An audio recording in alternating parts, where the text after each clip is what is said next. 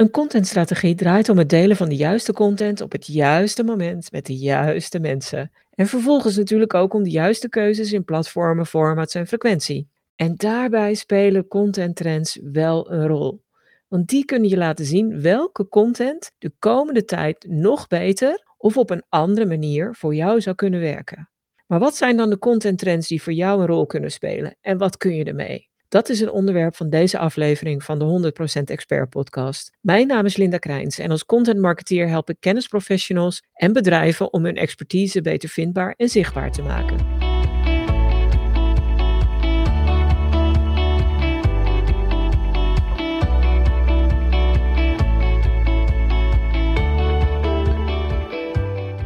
Welke contenttrends verwachten we eigenlijk voor 2023 en welke van die contenttrends gaan voor jou een rol spelen? Want in principe ga je ze nooit allemaal gebruiken of inzetten.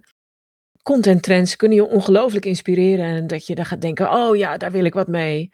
Maar ze zijn natuurlijk niet altijd geschikt voor iedereen. En vaak moet je ook gewoon keuzes maken, want je kunt nu eenmaal niet alles. Dus contenttrends ik vind ze belangrijk, maar ik neem ze soms ook met een korreltje zout. Want je hoeft ze, godzijdank, niet altijd allemaal te gebruiken. Sommige kun je ook gewoon negeren of parkeren en denken van nou, ik ga het eerst nog eens een tijdje aankijken. Maar welke contenttrends kunnen dan interessant zijn? Ik zie er een aantal en ik heb ze beschreven in een artikel dat ik voor Frankwatching schreef, dat onlangs gepubliceerd is. Maar ik wil ze hier ook nog een keer uit de doeken doen, omdat ik denk van dat ze toch wel belangrijk zijn. En in de vorige aflevering ging het heel erg over de contentstrategie en hoe je die vertaalt naar een strategische content planning. En daar spelen die trends wel een beetje een rol. Want sommige contenttrends kunnen het maken en bedenken van content toch wel een stuk makkelijker voor je maken. En dat is altijd handig en welkom, zou ik zeggen. En voordat je het over de echte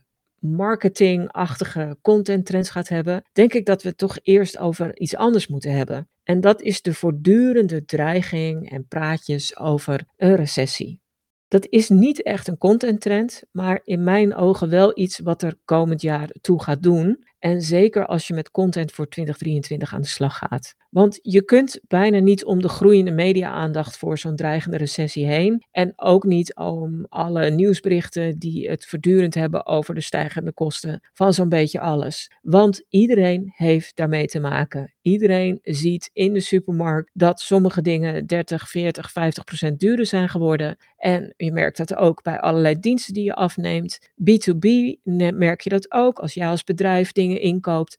Alles is duurder geworden. Die praatjes over eh, recessies en of je nou doorgaat of niet, maakt niet uit. Maar het feit dat er zo over gesproken wordt, het feit dat we allemaal zien dat alles zoveel duurder wordt, dat maakt consumenten en bedrijven extra onzeker over de toekomst. En je kunt er donder op zeggen dat dat hun gedrag beïnvloedt en dat het ook invloed heeft op de content die ze nodig hebben. Dus wat ik zeker zou doen op het moment dat je met je content voor 2023 aan de slag gaat, dat is ook naar de content trends kijken die ik zo meteen ga benoemen, maar zeker ook onderzoeken wat die dreiging, wat die somberheid, al die negatieve berichten nou betekenen voor jouw doelgroep en wat ze betekenen voor de klantreis die je doelgroep doorloopt. Kijk of en hoe je daarop in kunt spelen of op in moet spelen. Met nieuwe content of met bestaande content die je daarvoor mogelijk wat aanpast of aanvult. Maar goed, ik ben een beetje aan het preken en ik hou er niet van om op een preekstoel te zitten. Dus laten we overgaan naar de leukere onderwerpen, zoals nieuwe content trends voor 2023. En ik vrees dat ik toch weer moet beginnen met een negatieve. Aha, want er zijn heel veel twijfels over social media marketing. En die hoor en die zie ik op heel veel plekken terugkomen. Want ondernemers, marketeers en social media experts lijken allemaal steeds somberder te worden over de effectiviteit van social media marketing. Ze hebben te maken met teruglopend bereik, met alsmaar wisselende algoritmes, met stijgende advertentiekosten, toenemende onduidelijkheid over wat, nu toch, wat nog wel werkt en wat minder werkt, of wat ineens weer goed werkt. En er komt nog bij dat een bedrijf als Meta af en toe flink bezig is om accounts zomaar te schorsen. Waarbij mensen zeggen van ja, verdorie, mijn pagina is weg, mijn account is weg, ik kan niet meer adverteren. En er zijn geen mensen, er is geen helpdesk aan wie ik duidelijk kan maken dat dat ten onrechte is gebeurd. En of dat nou echt en onrecht is of niet, ik geloof eerlijk gezegd wel dat er een heleboel accounts geschorst zijn waar er geen aanleiding van is. Maar er zit geen mens aan de andere kant. Meta kan het gewoon niet bommen wat het ons allemaal aandoet. Dat en die algoritmes en die onzekerheid over nou wat nou wel werkt, dat maakt dat steeds meer bedrijven extra goed gaan kijken naar de plek van social media binnen hun contentstrategie. En ik raad jou aan om dat ook te doen. Ik moet zeggen, die onzekerheid en die onvrede kan besmettelijk zijn. Dus probeer zeker de lichtpunten te ontdekken in wat social media voor jou doet. En misschien zeg je wel van ja, ik zie het als een kwaad, maar ook als een noodzakelijk kwaad. Maar kijk in dat opzicht dan vooral nog een keer naar de conversie van wat social media je opleveren. Het zijn eigenlijk twee verschillende dingen. Kijk naar de conversie en kijk naar wat social media je opleveren aan bijvoorbeeld naamsbekendheid of reputatie of merklading. En kijk ook naar de inspanning die daarvoor nodig is. Hoe verhouden die zich tot elkaar? Is het rendement wat je hebt van social media berichten nog wel in verhouding tot de inspanning die je moet leveren? Want het kan best een wissel trekken op je tijd en op je middelen en op je budget om steeds maar nieuwe content voor social media te maken. Het is een soort cookie monster waar eindeloos dingen ingaan. En het kost gewoon heel veel inspanningen. En je wil wel weten dat die inspanningen zich op de een of andere manier ook terugbetalen. Anders wordt het wel heel erg vervelend. En wat dat betreft is het ook goed om meerdere keren per jaar te kijken naar alle contentkeuzes en formatkeuzes die je maakt. Om ze als het even kan naast recent onderzoek te leggen. En een blog op mijn website en de blogs op Frankwatching kunnen je daar heel erg bij helpen om daar uh, uh, goed van op de hoogte te blijven. Zodat je kunt zien van hey, welke verschuivingen zijn er en welke verschuivingen zijn voor mij raadzaam. En we zien ook heel veel dingen veranderen op social media. Dat brengt me ook op trends. En de eerste twee die ik zo meteen wil noemen, dat zijn zero-click content. En de tweede is entertainende content. Zero-click content, wat is het? Nou ja, de naam zegt het eigenlijk al. Het is content waar geen linkjes in zitten waar je op moet klikken. En we weten allemaal al een tijdje dat bijna alle social media, behalve Pinterest, uh, berichten zonder links het voordeel geven. Berichten met links doen het gewoon heel veel slechter dan berichten zonder links. Ze hebben lager bereik, lagere interactie en lager rendement. Dat wil overigens niet zeggen dat je nooit meer berichten met links moet plaatsen. Maar het betekent wel dat zero-click content in opkomst is. En dat vraagt ook om een ander vertrekpunt als je content maakt. Want je moet andere content maken. Je moet content maken die op zichzelf al heel veel waarde biedt. Dus intrinsieke waarde in zich heeft. Of je maakt content die heel erg gericht is op interactie. En met die laatste kun je heel goed je bereik vergroten en daarmee je zichtbaarheid en je naamsbekendheid vergroten en je merk en reputatie laden. En die content die op zichzelf staand intrinsieke waarde heeft, zonder kliks, zonder links, dat is de content die heel erg kan bijdragen aan jouw reputatie als expert of als kennisleider. Dus er is zeker een plek voor in je content mix om zero-click content in te gaan zetten. En ja, dat kan op heel veel manieren. Dat kan op met een video waarin je gewoon een goed verhaal doet. Het kan met een LinkedIn-artikel waar verder geen linkjes in staan. Je kunt op LinkedIn ook bladerbare documenten gebruiken. Je kunt natuurlijk gewoon wat langere berichten schrijven, al door niet voorzien van video of beeld waar je je punt in maakt. Maar het is wel een beetje tegendraads aan de natuur van, van marketing om content te maken zonder dat daar nou een link of een call to action staat naar iets wat buiten het social media platform verwijst. Maar vergis je niet, dit gaat echt verder dan alleen maar social media. Ook Google benoemt steeds meer dingen in de zoekresultaten waarbij jouw site wel genoemd staat en bij een beeld staat, maar waar, waar Google bijvoorbeeld al de belangrijkste kern uitgehaald heeft, zodat mensen op de pagina met zoekresultaten al kunnen zien wat daar staat. En dus ook niet meer naar je site doorklikken. En op YouTube geldt ook dat YouTube mensen ook graag op dat platform wil houden. Dus liever heeft dat jouw video verwijst naar gerelateerde video's dan dat het verwijst naar je website. Zero-click content, ik denk dat als we ons daar allemaal veel bewuster van gaan worden en het veel meer gaan inzetten, dat het een hele grote vlucht gaat hebben, omdat het gewoon werkt.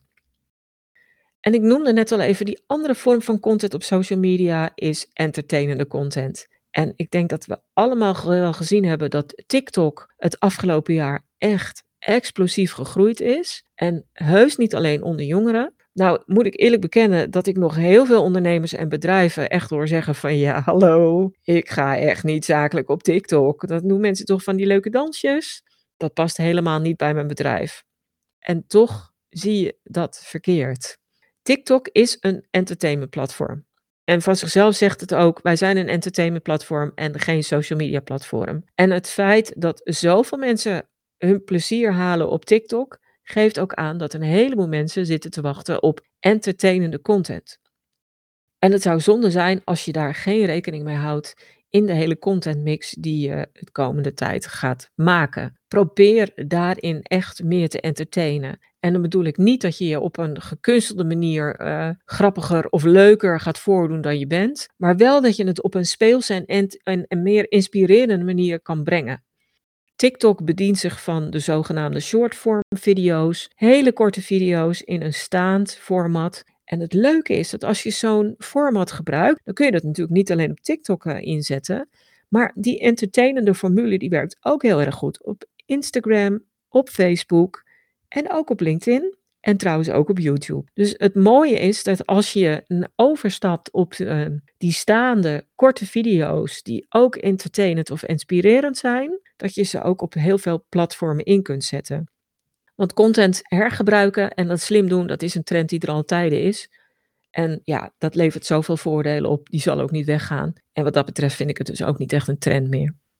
Wat ik ook zie veranderen in content, is dat ik meer content zie die eigenlijk um, directe sales nastreeft. Wat we vaak gewend waren met content, is dat die vooral dienstbaar moest zijn en dat die waarde moest bieden. Ja, en dat is mooi, maar wat levert je dat aan, uh, onderaan de streep nou uiteindelijk precies op? Je kunt met behulpzame content zeker meer verkeer trekken naar je website. Maar dat wil nog niet altijd zeggen dat je omzetcijfers dan ook meteen gaan groeien. En wat mij echt de laatste maanden opvalt, is dat ik steeds meer zie dat een deel van de content die bedrijven maken gericht is op directe omzet. En dat zie je op verschillende manieren tot uitdrukking komen. Bijvoorbeeld doordat mensen zich van hele korte funnels gaan bedienen, van eigenlijk maar één of twee stappen. En dat is prima, want een deel van de mensen wil ook meteen kopen. Die hoeft niet vijf, een, een serie van vijf of acht of nog meer mails te hebben met steeds weer nieuwe argumenten en leuke dingetjes. En die korte funnels, die, die springen daarop in.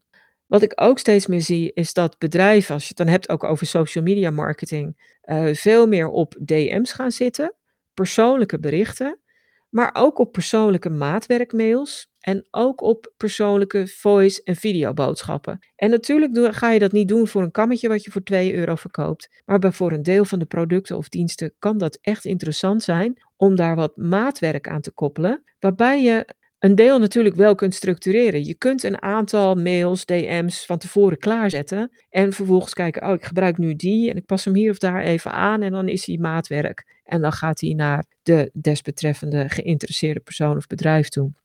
Je ziet ook steeds meer e-commerce content op social media komen.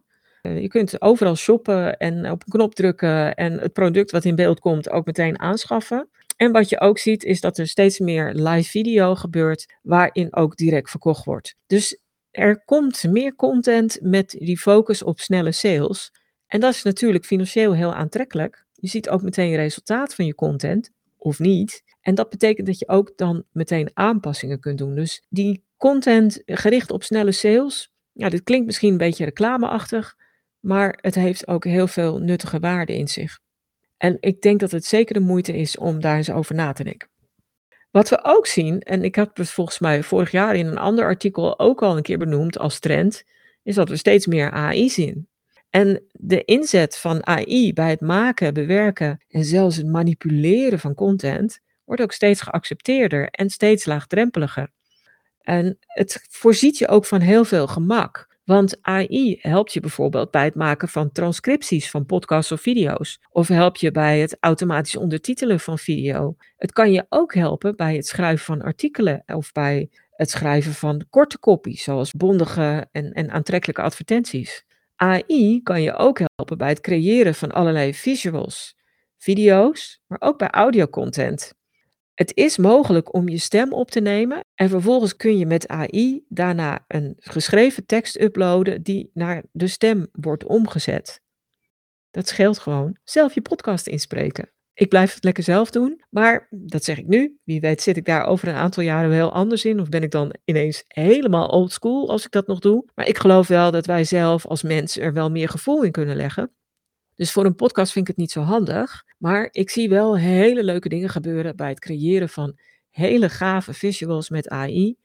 Bij het maken van korte video's met AI. En ja, je bent eigenlijk een beetje suf bezig als je niet kijkt wat het voor jou kan betekenen. Het is echt een hele grote facilitator bij het maken van content in andere vormen dan je tot nu toe gewend bent. En het kan ook dingen die je tot nu toe niet gebruikte, nu wel binnen je bereik brengen. Dus dat vind ik ook het mooie van AI. Nou ja, je luistert naar een podcast. En podcasts zullen komend jaar nog steeds aan populariteit gaan winnen. Het aantal podcastluisteraars blijft echt maar groeien. Dat doet het al een aantal jaren. Maar in 2022 is het echt al gestegen naar 6,9 miljoen luisteraars. En dan heb je het dus over de helft van alle Nederlanders boven de 18. En ook de intensiteit waarop mensen luisteren is gestegen. Want mensen luisteren vaker en langer. Ja, en ik kan niet anders zeggen dan dat die trend door gaat zetten in 2023. En ik ben niet de enige die dat zegt. Ik sprak met Simone Snatersen. Zij is bekend als de podcastvrouw. Ze is podcastcoach, maar ook jurylid van de jaarlijkse Dutch Podcast Awards. En zij voorspelde verschillende nieuwe podcasttrends naast de toenemende populariteit. Wat we bijvoorbeeld gaan zien is dat we straks een nog mooiere luisterervaring gaan krijgen dankzij 8D-geluid. En dat is vergelijkbaar met het geluid dat je in een bioscoop hoort. Dus je hoort het helemaal om je heen en je kunt beweging creëren voor, achter, naast je. Het is nog nu nog niet weggelegd voor de doorsnee podcastmaker, maar je kan er donder op zeggen dat dat soort trends eh, qua techniek steeds laagdrempeliger worden. Dus wie weet hoor je mijn podcast over een jaar ook wel in 8D-geluid of al ietsje later. En daarnaast ziet Simone ook dat luisterparties in opkomst zijn. En dat is wel een hele leuke mix van verschillende soorten content. Want bij een luisterparty gaan grote groepen mensen samen naar een podcast luisteren of naar een podcastopname. En dat kan in een theater bijvoorbeeld, waardoor er een hele andere beleving, een theaterbeleving rondom podcast ontstaat. Dat is natuurlijk ook wel heel gaaf. En dan krijg je ook weer iets heel anders. En als je dat doortrekt Waar je nu bijvoorbeeld uh, presentaties voor klanten of potentiële klanten organiseert, zou je dat misschien ook rondom een podcast kunnen doen. Ik vind het interessant om daarover na te denken, te kijken van oké, maar hoe kun je daar dan mee spelen met zo'n nieuwe trend rondom podcast en wat kan het voor mij betekenen?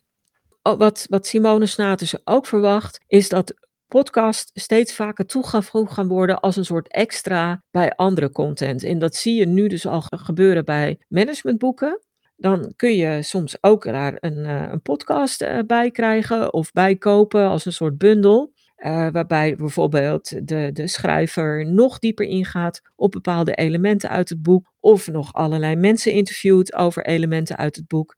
En waardoor die podcast een verrijking is van bestaande content. En wat ik leuk vind is dat Simone eigenlijk ook voorspelt dat het zomaar zou kunnen dat uh, Storytel, Managementboek of andere vergelijkbare partijen straks ook podcasts in hun businessmodel gaan opnemen, zodat je het daar ook af kan nemen. Ik ben benieuwd. Het is altijd leuk om dat soort voorspellingen te doen en om te zien of ze uitkomen. En ik denk dat podcasten echt een hele mooie uh, vorm is om aan je contentpalet voor 2023 gaan, gaan toe te voegen. Dus dit, dit zijn een aantal dingen die ik, uh, die ik tegenkom. Entertainende content, content zonder linkjes naar je website, content die zich focust op snelle sales, de explosieve groei ook van AI die je kan helpen om andere en nog gavere content te maken en de opkomst van podcast. En dat roept altijd de vraag op van ja, wat doe je er precies mee? Ga je erop inspelen of laat je een trend aan je voorbij gaan. Want het is zo ontzettend gemakkelijk om, om enthousiast te worden van nieuwe content trends. Ik noemde dat net al even het uh, shiny new object syndroom in heel slecht Nederlands. En dat is gevaarlijk, want het kan echt een valkuil zijn. Dus wat dat betreft raad ik je altijd aan om eerst je eigen marketingdoelen en je eigen contentstrategie als uitgangspunt te nemen. En om vervolgens van alle contenttrends die er overal genoemd worden, te kijken wat die daaraan bij kunnen dragen. En hoe dat je eventueel kan faciliteren om sneller tot meer rendement te komen. En wat wel leuk is, is om in elk geval, ook als je in eerste instantie denkt, nou ja, nou ja, leuke trends, maar tot nu toe gaat het ook goed, dus ik ga door op de ingeslagen weg. Kijk dan toch of je met één of twee trends al wat meer kan experimenteren. Want daarmee ontdek je toch weer nieuwe mogelijkheden. Benut je nieuwe contentkansen, maar vooral voorkom je ook dat je misschien te laat ergens instapt of iets te laat gaat benutten. En uh, ja, de, de, de angst om iets mis te lopen is natuurlijk ook reëel. En dat kan ook zomaar, want het gaat allemaal heel snel. En je wil ook wel uitstralen dat je van deze tijd bent en met je tijd meegaat. Dat hoort toch ook wel bij een expertstatus of bij een status als kennisleider of thought leader. Dus je hoeft niet in te spelen op content trends, maar sommige, zoals AI, kunnen je het leven wel heel veel gemakkelijker maken. En snelle sales content kan ook echt een leuke boost voor je omzet zijn. Dus er zitten heel veel voordelen aan. Maar kijk echt wat er bij jouw marketingdoelen en bij jouw contentstrategie past. En welke van die trends nou het meest in aanmerking komt om toch eens een keer te gaan inzetten. Dankjewel voor het luisteren. Heb je nu een handige tip of inzicht opgedaan, dan wil ik je vragen om een review achter te laten. Of deel de podcast met iemand anders voor wie het interessant is. En wil je meer weten? Op mijn website vind je een gratis kennisbank met checklists, tools, video's en stappenplannen over content, content marketing, maar vooral over het zichtbaar en vindbaar maken van je expertise. En in de Content Academie vind je bovendien tal van online masterclasses en trainingen die je helpen om je expertpositie verder te versterken. Kijk daarvoor eens op stroop.nl en stroop is met dubbel S.